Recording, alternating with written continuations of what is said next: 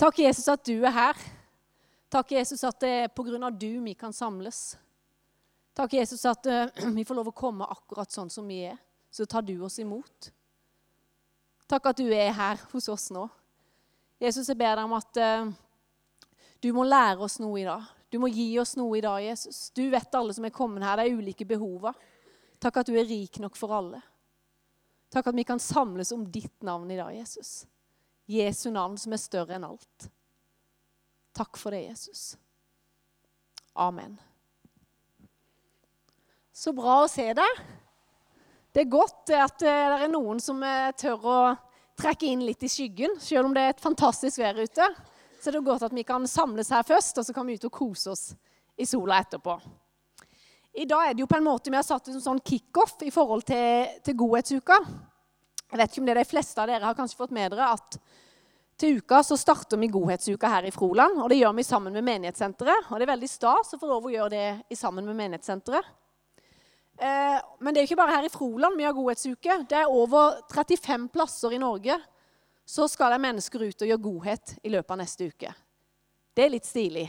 Vi er, vi er en del av noe som er mye større. 35 plasser i landet. Og her i Froland så er det til nå over 90 arbeidere som har meldt seg klare. Og vi har eh, 12-13 oppdrag som vi skal gjennomføre. Og, og det, det, er spennende å få lov å være med på dette. Så uansett om du har meldt deg på eller ikke, så skal du ikke ha noe eh, dårlig uh, samvittighet av den grunn. Men temaet i dag det er jo godhet. Men jeg håper uansett at vi alle kan få noe ut av dette. Det er i hvert fall et tema som utfordrer meg i min hverdag. Så da kjører jeg i gang.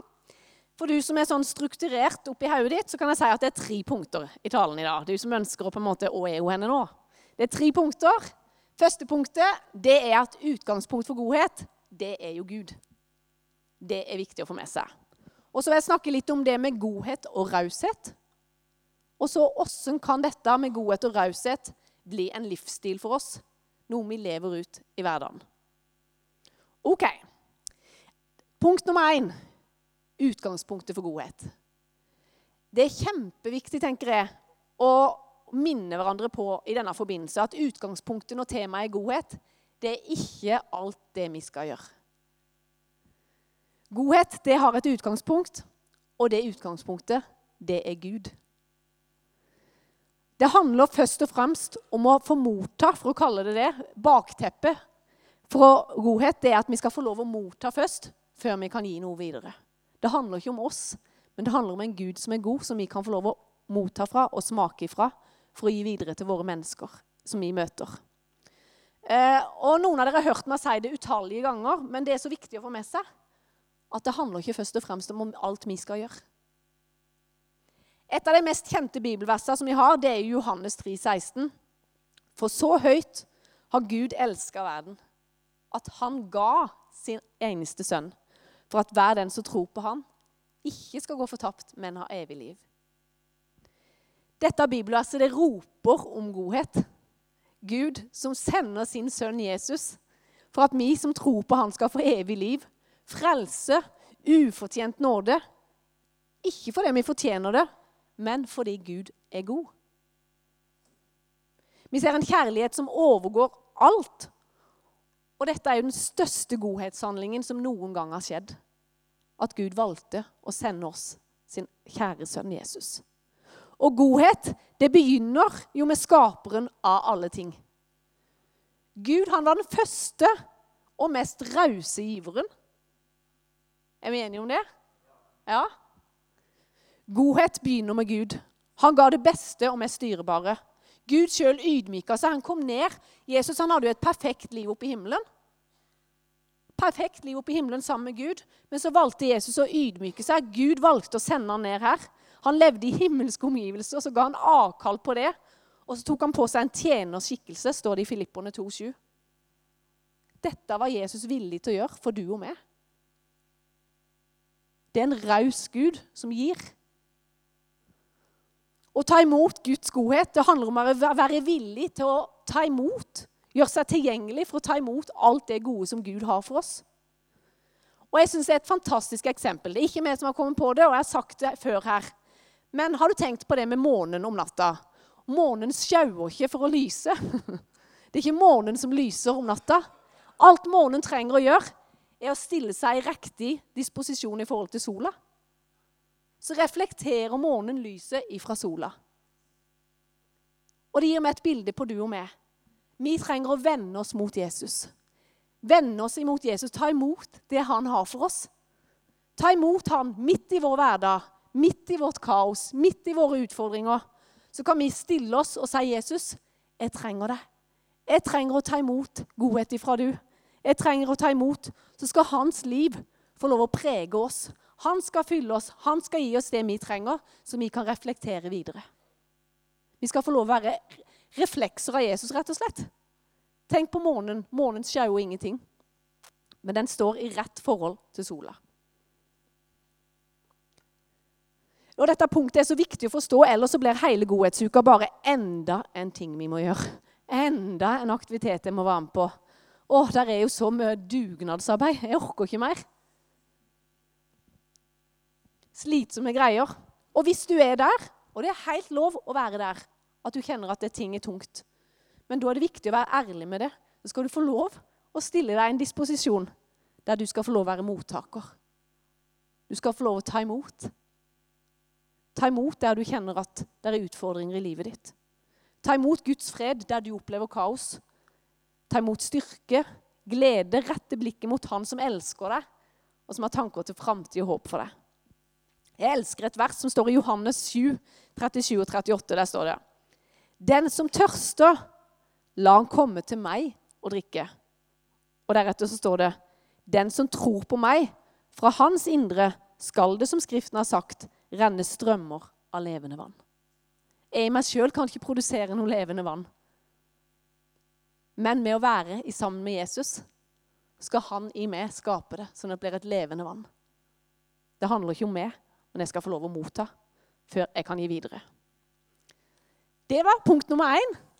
Guds godhet, som vi kan få lov å ta imot. Og så var det det med godhet og raushet. Jeg tenker at det er to ord som er knytta ganske tett i sammen. Godhet og raushet. Raushet kan også defineres som eh, offervilje, nestekjærlighet, gavmildhet. Og er det noen som er rause, som jeg nevnte i stad, så er det jo Gud. Vi leste Johannes 3, 16. Han ga oss sin eneste sønn. Og Jesus han kom jo til jorda for å vise oss hvem Gud var. Og vi er kalt til å være speilbildet av Jesus der vi er i vår hverdag. Og så tenker jeg raushet, det motsatte av raushet, det kan jo kanskje da defineres som sjølopptatt, gjerrig. Raushet kan gi oss konkrete bilder på åssen godhet kan se ut i praksis. Det kan være snakk om godhet i forhold til penger, forhold til tida vår, materielle goder, goder og menneskelige ressurser. Hvorfor i alle dager skal jeg snakke om raushet? Hvorfor er det viktig? Jeg tror at raushet det kan sette oss fri fra en hel masse ting som så lett vil ta vårt fokus, vår energi, vår oppmerksomhet.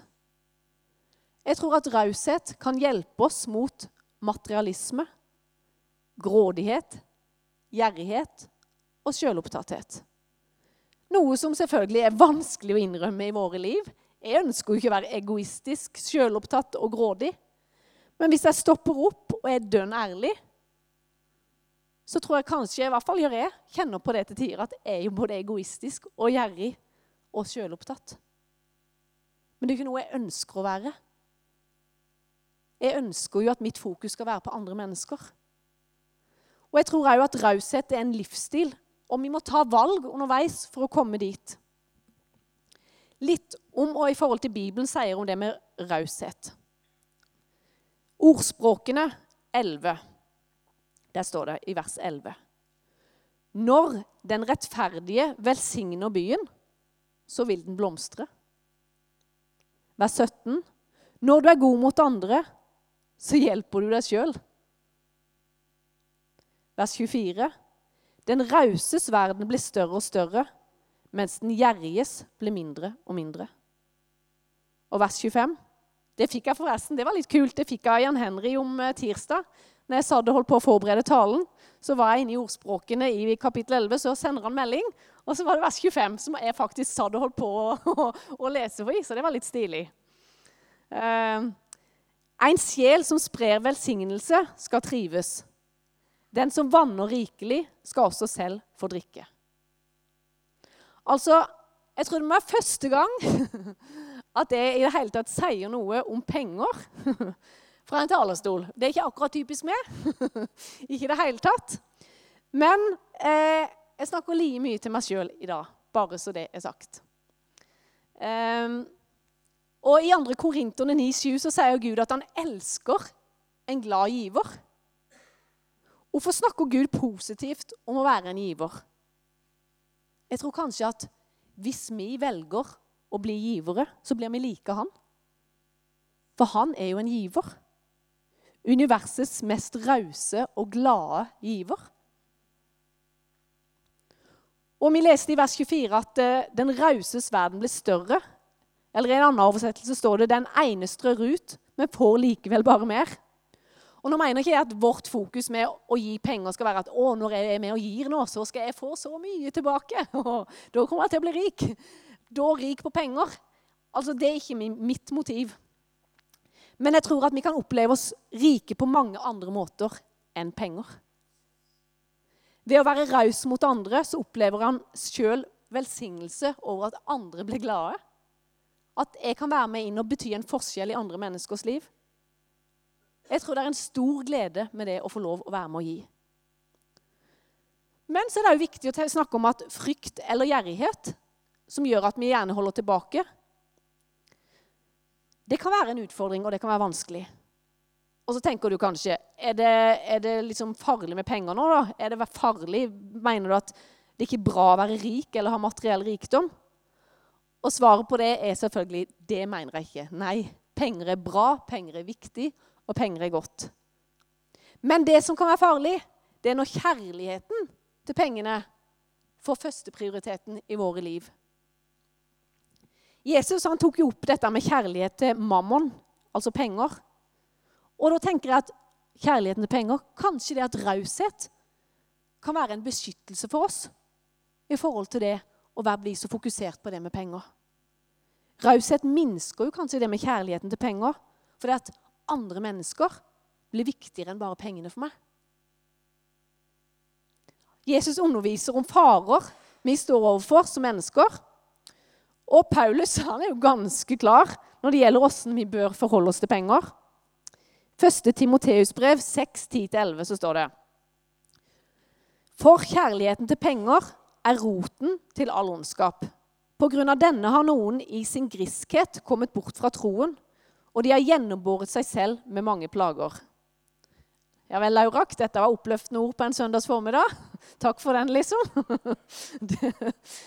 Penger er nødvendig, penger er bra, og det er fantastisk at vi har mennesker som har mye penger. Spørsmålet er ikke om du har mye penger, men om pengene har du. Når livet vårt og tankene våre preges bare av det å ha mye penger, materielle goder, det er bedre enn alt, eller det målet for våre drømmer er å tjene mest mulig penger, da tror jeg kanskje det er en løgn som har sneket seg litt inn. Og jeg må teste meg sjøl av og til. Tenker jeg, Er målet mitt å tjene mest mulig penger og bruke dem på meg sjøl og mine? Da må jeg kanskje stoppe opp og tenke litt. Er målet mitt bare å tjene penger for å bruke på meg og mine?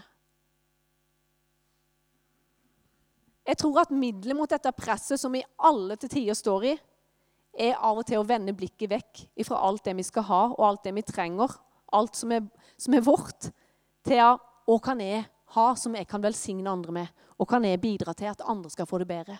Og kan jeg være med å dele? Jeg husker når, eh, når, eh, når vi ungene våre var små, så, eh, så, var jeg og Tina en del sammen. Var veldig koselig oppe hos Ingranita Mjølhus.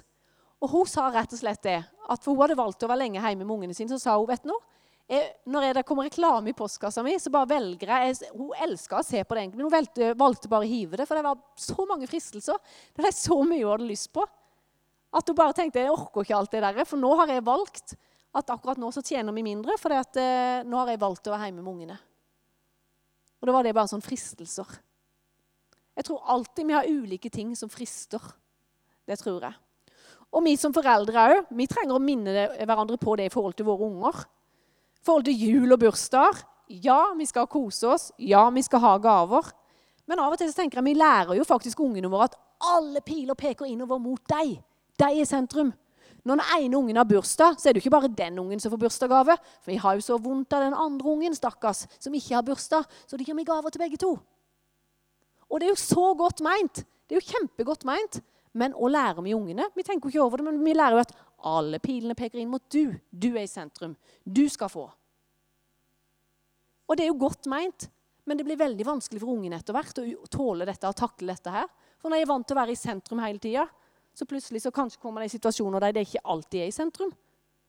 Det blir kjempevanskelig for ungen å takle. Vi mener det jo bare godt, men vi gjør det faktisk vanskelig for dem. Jeg syns det er knallbra når noen skoleklasser og barnehager velger å ha omvendt julekalender. Det velger at ungene skal ta med seg leker eller ting til barnehagen for at de kan gi videre til andre. Jeg sier ikke at vi ikke skal kose oss til jul og ha gaver, men jeg tror kanskje av og til at dette her blir litt skeiv balanse. Jeg husker når Lene her i menigheten hun kom, sønnen Nathaniel, han hadde hatt bursdag. Eh, og så hadde vi snakka mye om eh, Ukraina, et barnehjem som vi er med og støtter på søndagsskolen. Så kom Nathaniel, og så han med, hadde han valgt at han ville gi en del av bursdagspengene sine til de barnehjemmet i Ukraina, for han tenkte på at de hadde så lite. Og min første tanke var jo å nei, stakkars lille gutten på fem år, han kan jo ikke ta sine bursdagspenger. Stakkars, liksom. Det er jo sånn vi voksne tenker.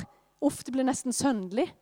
Men så tøft alene som mamma å si at jau, vet du hva, jeg ønsker òg Når han velger det, så ønsker jeg å støtte opp under det valget. Det er tøft gjort. Og han holdt på å samle til elektriske trommer, for det var den store drømmen hans. å få elektriske trommer. Men allikevel så ønska han, og da var hun med på laget med en gang. Og det kunne fort gjort at jeg tenker oss selv, da hadde det fort, ja, ta gi du av de bursdagspengene, men så skal du få like mye av meg. det er fort at vi gjør sånn. For da, da stakkars. Jeg syns det var knalltøft av henne. Har du tenkt på alle mulighetene penger gir? Det er topp at noen har mye penger. Men med mye så er det òg et forvalteransvar. Og jeg tenker det er her vi behøver visdom og hjelp. Eh, I Lukas 12, 16-21 så forteller Jesus en lignelse om en rik mann. Han hadde faktisk så mye at han ikke hadde plass på låvene sine. Han hadde så mye at han ville rive ned og bygge opp, så han fikk noe enda større. Så han kunne fylle enda mer inn i låven sin og få enda mer plass til alt han skulle ha. Han planla i detalj hvordan han skulle bruke alt på seg sjøl. Jeg tenker Det det Jesus kanskje prøver å fortelle, er at ekte liv det har ikke nødvendigvis noe med eiendom og penger å gjøre. For grådighet det er opptatt av å skaffe seg mer og mer og mer og mer. Det er jo alltid sånn hvis vi har fått en ny ting, så er det jo alltid noe som er finere. Alltid noe som er bedre. Alltid.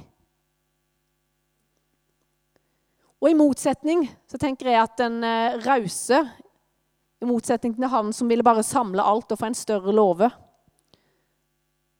I motsetning så er det kanskje å tenke hva kan jeg gjøre med alt jeg har?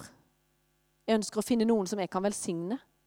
Og jo mer er du er velsigna med penger, makt og innflytelse, jo mer tenker jeg at vi må være bevisst på konsekvensene av våre valg. Så bygger kanskje ikke akkurat vi lover, men utfordringen er at penger gir oss nye muligheter. Større hus, pusse opp, Hytter, ferier, hobbyer. Det er jo alltid noe. Og jeg sier ikke at noe av dette er galt. Ingenting av dette er galt.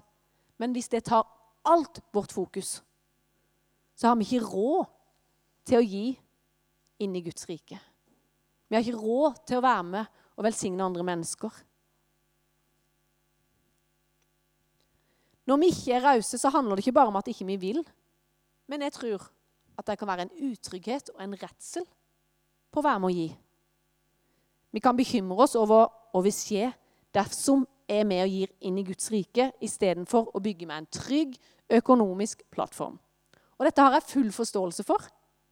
Når Ole Georg og jeg var nygift for eh, 22-23 år siden, noe sånt, ja, så eh, var han avløser. Han jobba i fjøs. Han tjente hele 8000 i måneden. Jeg var student, og vi levde på 8000 kroner. Eh, jeg syntes det var fantastisk. Vi hadde jo fått kjøpt oss hus, og renta var bare 14% Jeg var så lykkelig over at jeg var blitt gift. Og jeg var, hadde hatt eh, ganske bortskjemt hjemmefra. Når William ønska seg nye sokker til jul, så ønska jeg meg Sondre eh, sånn der ulljakke til 2000 kroner. Så ja, jeg var bortskjemt. Jeg innrømmer det. Nå skulle vi leve for 8000 kroner. Og det å skulle være med altså Vi brukte jo mye tid i menigheten her. Vi elska menigheten vår. Men det å skulle være med å gi inn her, det var jo gørrskummelt. Vi hadde 8000 kroner. Eh, vi trengte jo pengene sjøl. Det å skulle gå i minibanken og ta ut de pengene, det var ikke lett. Nei, vi venter til neste søndag. Nei, Åh, så var det de regningene, og så var det det som skulle skje, og så har du jo lyst på noe nytt, og så ja. Løsningen for oss da ble et fasttrekk der pengene ble trukket med en gang lønninga kom inn. Det hjalp oss til å være med å gi. Og Spesielt for meg så var det ikke noe lett, for jeg er en person som liker oversikt, jeg liker kontroll. Og det var ikke lett i det hele tatt. Det var kjempevanskelig og kjempeutfordrende. Og Jeg sier jo ikke at det er lett, men det vi opplevde var jo at vi fikk jo ikke noe mindre penger av den grunn. Det er jo det som er Guds rike. Vi opplevde at vi valgte å stole på Gud. Og Jeg tror at, jeg sier jo ikke at det er lett, men det er noe med å se at vi er forvaltere, og jeg tror det er noe med hjerteholdninga vår. Å stole på at Gud som elsker oss, og vet om vi trenger bedre enn vi vet sjøl, han ønsker òg å være vår forsørger. En har sagt det sånn en blir aldri fattig av å gi. Jeg tror vi er skapt for å være rause. Og med Jesus som forbilde så ønsker i hvert fall jeg å strekke meg etter det. Mer i mitt liv.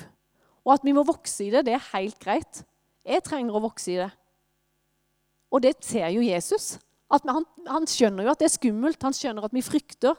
Han skjønner, skjønner, For det er jo på en måte Nei, det er vanskelig. Jeg tror vi skal få lov å vokse i det.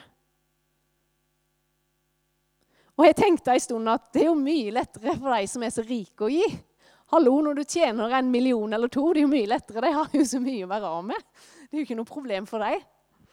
Men jeg tror ikke det er en bra holdning. Jeg tror ikke det er en bra holdning å ha. Nei, de som er rike, de får gi. Jeg tror ikke det er det Gud har meint. Sannheten er jo egentlig at universets skaper, altså Gud Det er jo ikke mangel på penger for Gud. Det er jo ikke det det handler om. Det er jo ikke det at Gud trenger pengene våre. Han har mer enn nok ressurser sjøl. Men jeg tror vi trenger å gi av det vi har. For det at det former oss, og det endrer holdningene våre. Det gjør oss mer avhengige av Gud, og det gjør at vi kanskje får mer fokus på andre enn bare oss sjøl. Jeg hørte en historie om en gutt på 17 år. Han hadde et prosjekt på skolen om raushet. Eh, og han ga 20 dollarsedler. 20 dollarsedler. Nå er jeg nå er ikke så mye eh, ute og reiser, men kan det stemme at det er ca. 170 kroner for dere som er inne i sånne penger? Nikker. Ja, men det, da har jeg gjort en bra research. Uh Ca. 170 kroner. Eh, det ga han til medelever. Han hadde én betingelse med det han ga. Det var det at eh, de pengene som han ga ut, altså de 170 kronene, de ga han til noen. De, de, måtte velge, de måtte gi det videre til noen andre. Det skulle brukes til å være raus mot noen andre.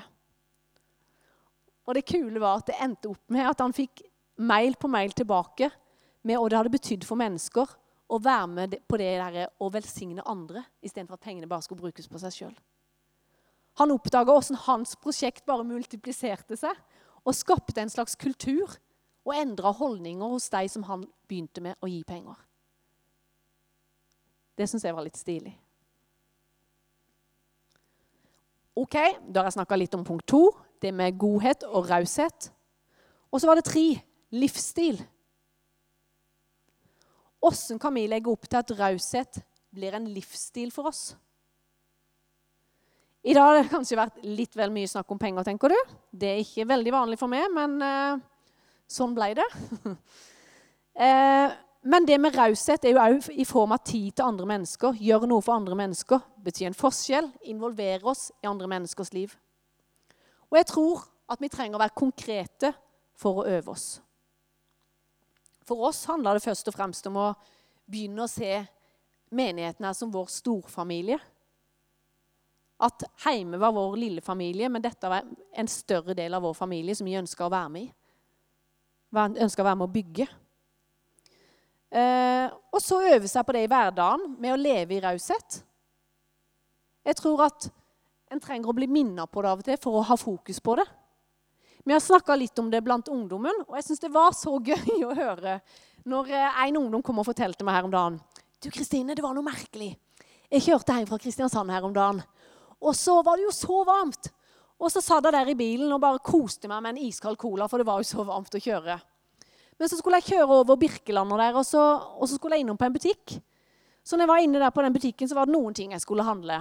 Men så plutselig begynte jeg bare å tenke så på cola igjen. og det var jo, tenkte jeg, jeg har jo en cola mellom setene ute i bilen, så jeg trenger jo ikke mer cola. Ja, Men så skulle han i kassa betale, så fikk han liksom ikke hodet vekk ifra jau to colaer til. liksom. To kalde halvlitere til. Det, det, må jeg kjøpe. Han syntes jo dette var litt merkelig, men OK, jeg kan jo kjøpe dem og ha i kjøleskapet hjemme. liksom. Så handler han og tenker ikke noe mer over det. Så kjører han videre. Og etter ei stund så kommer han til et veiarbeidsområde. Og der var det to som holdt på å jobbe midt ute i steiksola. Det hadde sikkert vært der hele dagen. Eh, kanonvarme når de sto der og jobba. Og bare pling, Selvfølgelig. Så stopper han ned med vinduet. Og de bare, han så bare det var så varmt. Så sier han jeg lurte på om dere hadde lyst på hver sin eh, halvliter med kald cola. og de her veiarbeiderne, de bare What? Vi sto akkurat og snakka om Tenk å ha hatt en kald cola nå! og det, jeg syns bare det er så stilig. Jeg syns det er så stilig. Ja, det er verdt å klappe for, Ole Gustav. ja. For det handler om en livsstil. Det handler om å leve i raushet i hverdagen. Han skjønte ikke, Det var ikke sånn at Gud sa du skal gå inn på Kiwi og kjøpe to cola. Det var jo ikke det. Men det handler om at han begynte å tenke en tanke. Og så tenker vi av og til at det der med at Gud skal tale til oss, det skal være så stort. Men det var en liten tanke. Så bare handla han på den, så visste han ikke noe mer. Altså Hadde det ikke skjedd noe, så hadde han hatt to kalde cola i kjøleskapet. ja. Men der fikk han lov å være med. Leve i godhet, leve i raushet. Han var bare så De var glad, de som fikk cola, men jeg tror han smilte enda mer. vi Kanskje vi trenger å bestemme oss for å øve oss på det med en godhetshandling i uka. Og det kan se veldig forskjellig ut. Spandere kaffe på en på jobb, be noen på middag, tilby noen å kjøre deg hjem istedenfor at de tar bussen, kjøpe en is til noen på utsida av Rema. Altså, jeg tror jeg du går an å spørre Gud konkret om du kan lede meg til noe. Kan jeg få lov å bety en forskjell for, for noen i hverdagen i dag? i dag, Jesus? Hvem kan jeg bety en forskjell for i dag? I forhold til om det er økonomisk, hjelpe noen med penger, hjelpe noen med å bare være der. Kanskje noen trenger noen å snakke med. Eller en godhetshandling. Og ord, ikke minst. Gud kan minne oss på ord, bibelvers, som vi trenger å gi videre. Be for noen. Altså, Godhet ser jo så forskjellig ut. Godhet ser veldig forskjellig ut. Og jeg tenker Den største hindringen mot å være raus det er som regel ikke vond vilje, men det er vårt manglende fokus. Til slutt vil jeg minne på et løfte som Gud har gitt oss. Og det står i 2. Korinterne 9,8. Og Gud er mektig til å gi dere all sin gave i rikt mål, så dere alltid og under alle forhold har det dere trenger. Ja, overflod til all god gjerning skal vi ikke la godheten og rausheten slippe løs. Uka som kommer, skal Froland få merke at vi er prega av det livet som Jesus har vist oss. Som han var et forbilde på, det livet han levde. De små tinga som ble gjort i løpet av denne uka som kommer nå, i både form av gjerninger, tid og penger, så tror jeg denne med forløser en godhetsholdning som vil forandre både oss som gir, og de som er og mottar. For godhet, det er noe alle mennesker trenger. Og godhet peker på Gud, for Gud er godhetens opphav. Amen. Takk, Gud, at du er god. Takk, du, at eh, du er den største og mest rause giveren, du som valgte å sende Jesus her ned til jorda for oss. For at han skulle ta på seg all vår skyld, all vår straff, for at vi skulle få lov å gå fri. Takk for den giveren du er, Gud. Jeg bare takker og priser deg bare med at du skal vise det klart for oss i dag, at du er den som godheten kommer ifra. Du er godhetens opphav. Du er den som gir og gir.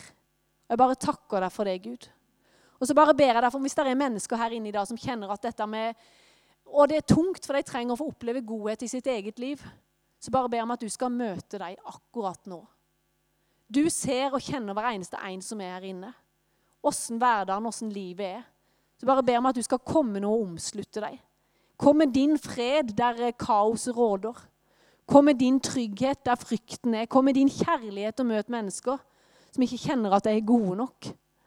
Og bare ber deg, far, om at du skal komme og møte våre behov. Så ber jeg om at du må åpne våre øyne og se hvordan vi kan få lov å være mottakere for å gi videre av denne godheten. I form av både penger og tid og gjerninger, Jesus. I form av ord, i form av forbønn, i form av alt, far, som du ønsker å gi oss, som vi kan gi videre. Jeg bare takker deg, Gud, for at vi skal få lov å være brikker i ditt store puslespill. Du som ser hele bildet, der vi bare ser små brikker. Takk for det, far. Takk, far, for at du, eh, du ønsker å hjelpe oss inn i dette med å være, leve et liv i raushet. Takk at du peker ikke på oss og sier at 'nei, skjerp deg, dette får du ikke til'. Men takk at du ønsker bare at vi skal få lov å prøve. Vi skal få lov å tore. Takk at du ser der det er skummelt. Der ønsker du bare å hjelpe oss og vise oss at du er god. Takk at du har sagt at du skal gi oss alt det vi trenger til. Sånn at vi til og med har nok til å være med og velsigne andre. Hjelp oss til det, Jesus, og se andre mennesker sånn som du ser dem. Takk for det. Takk at du er god. Amen.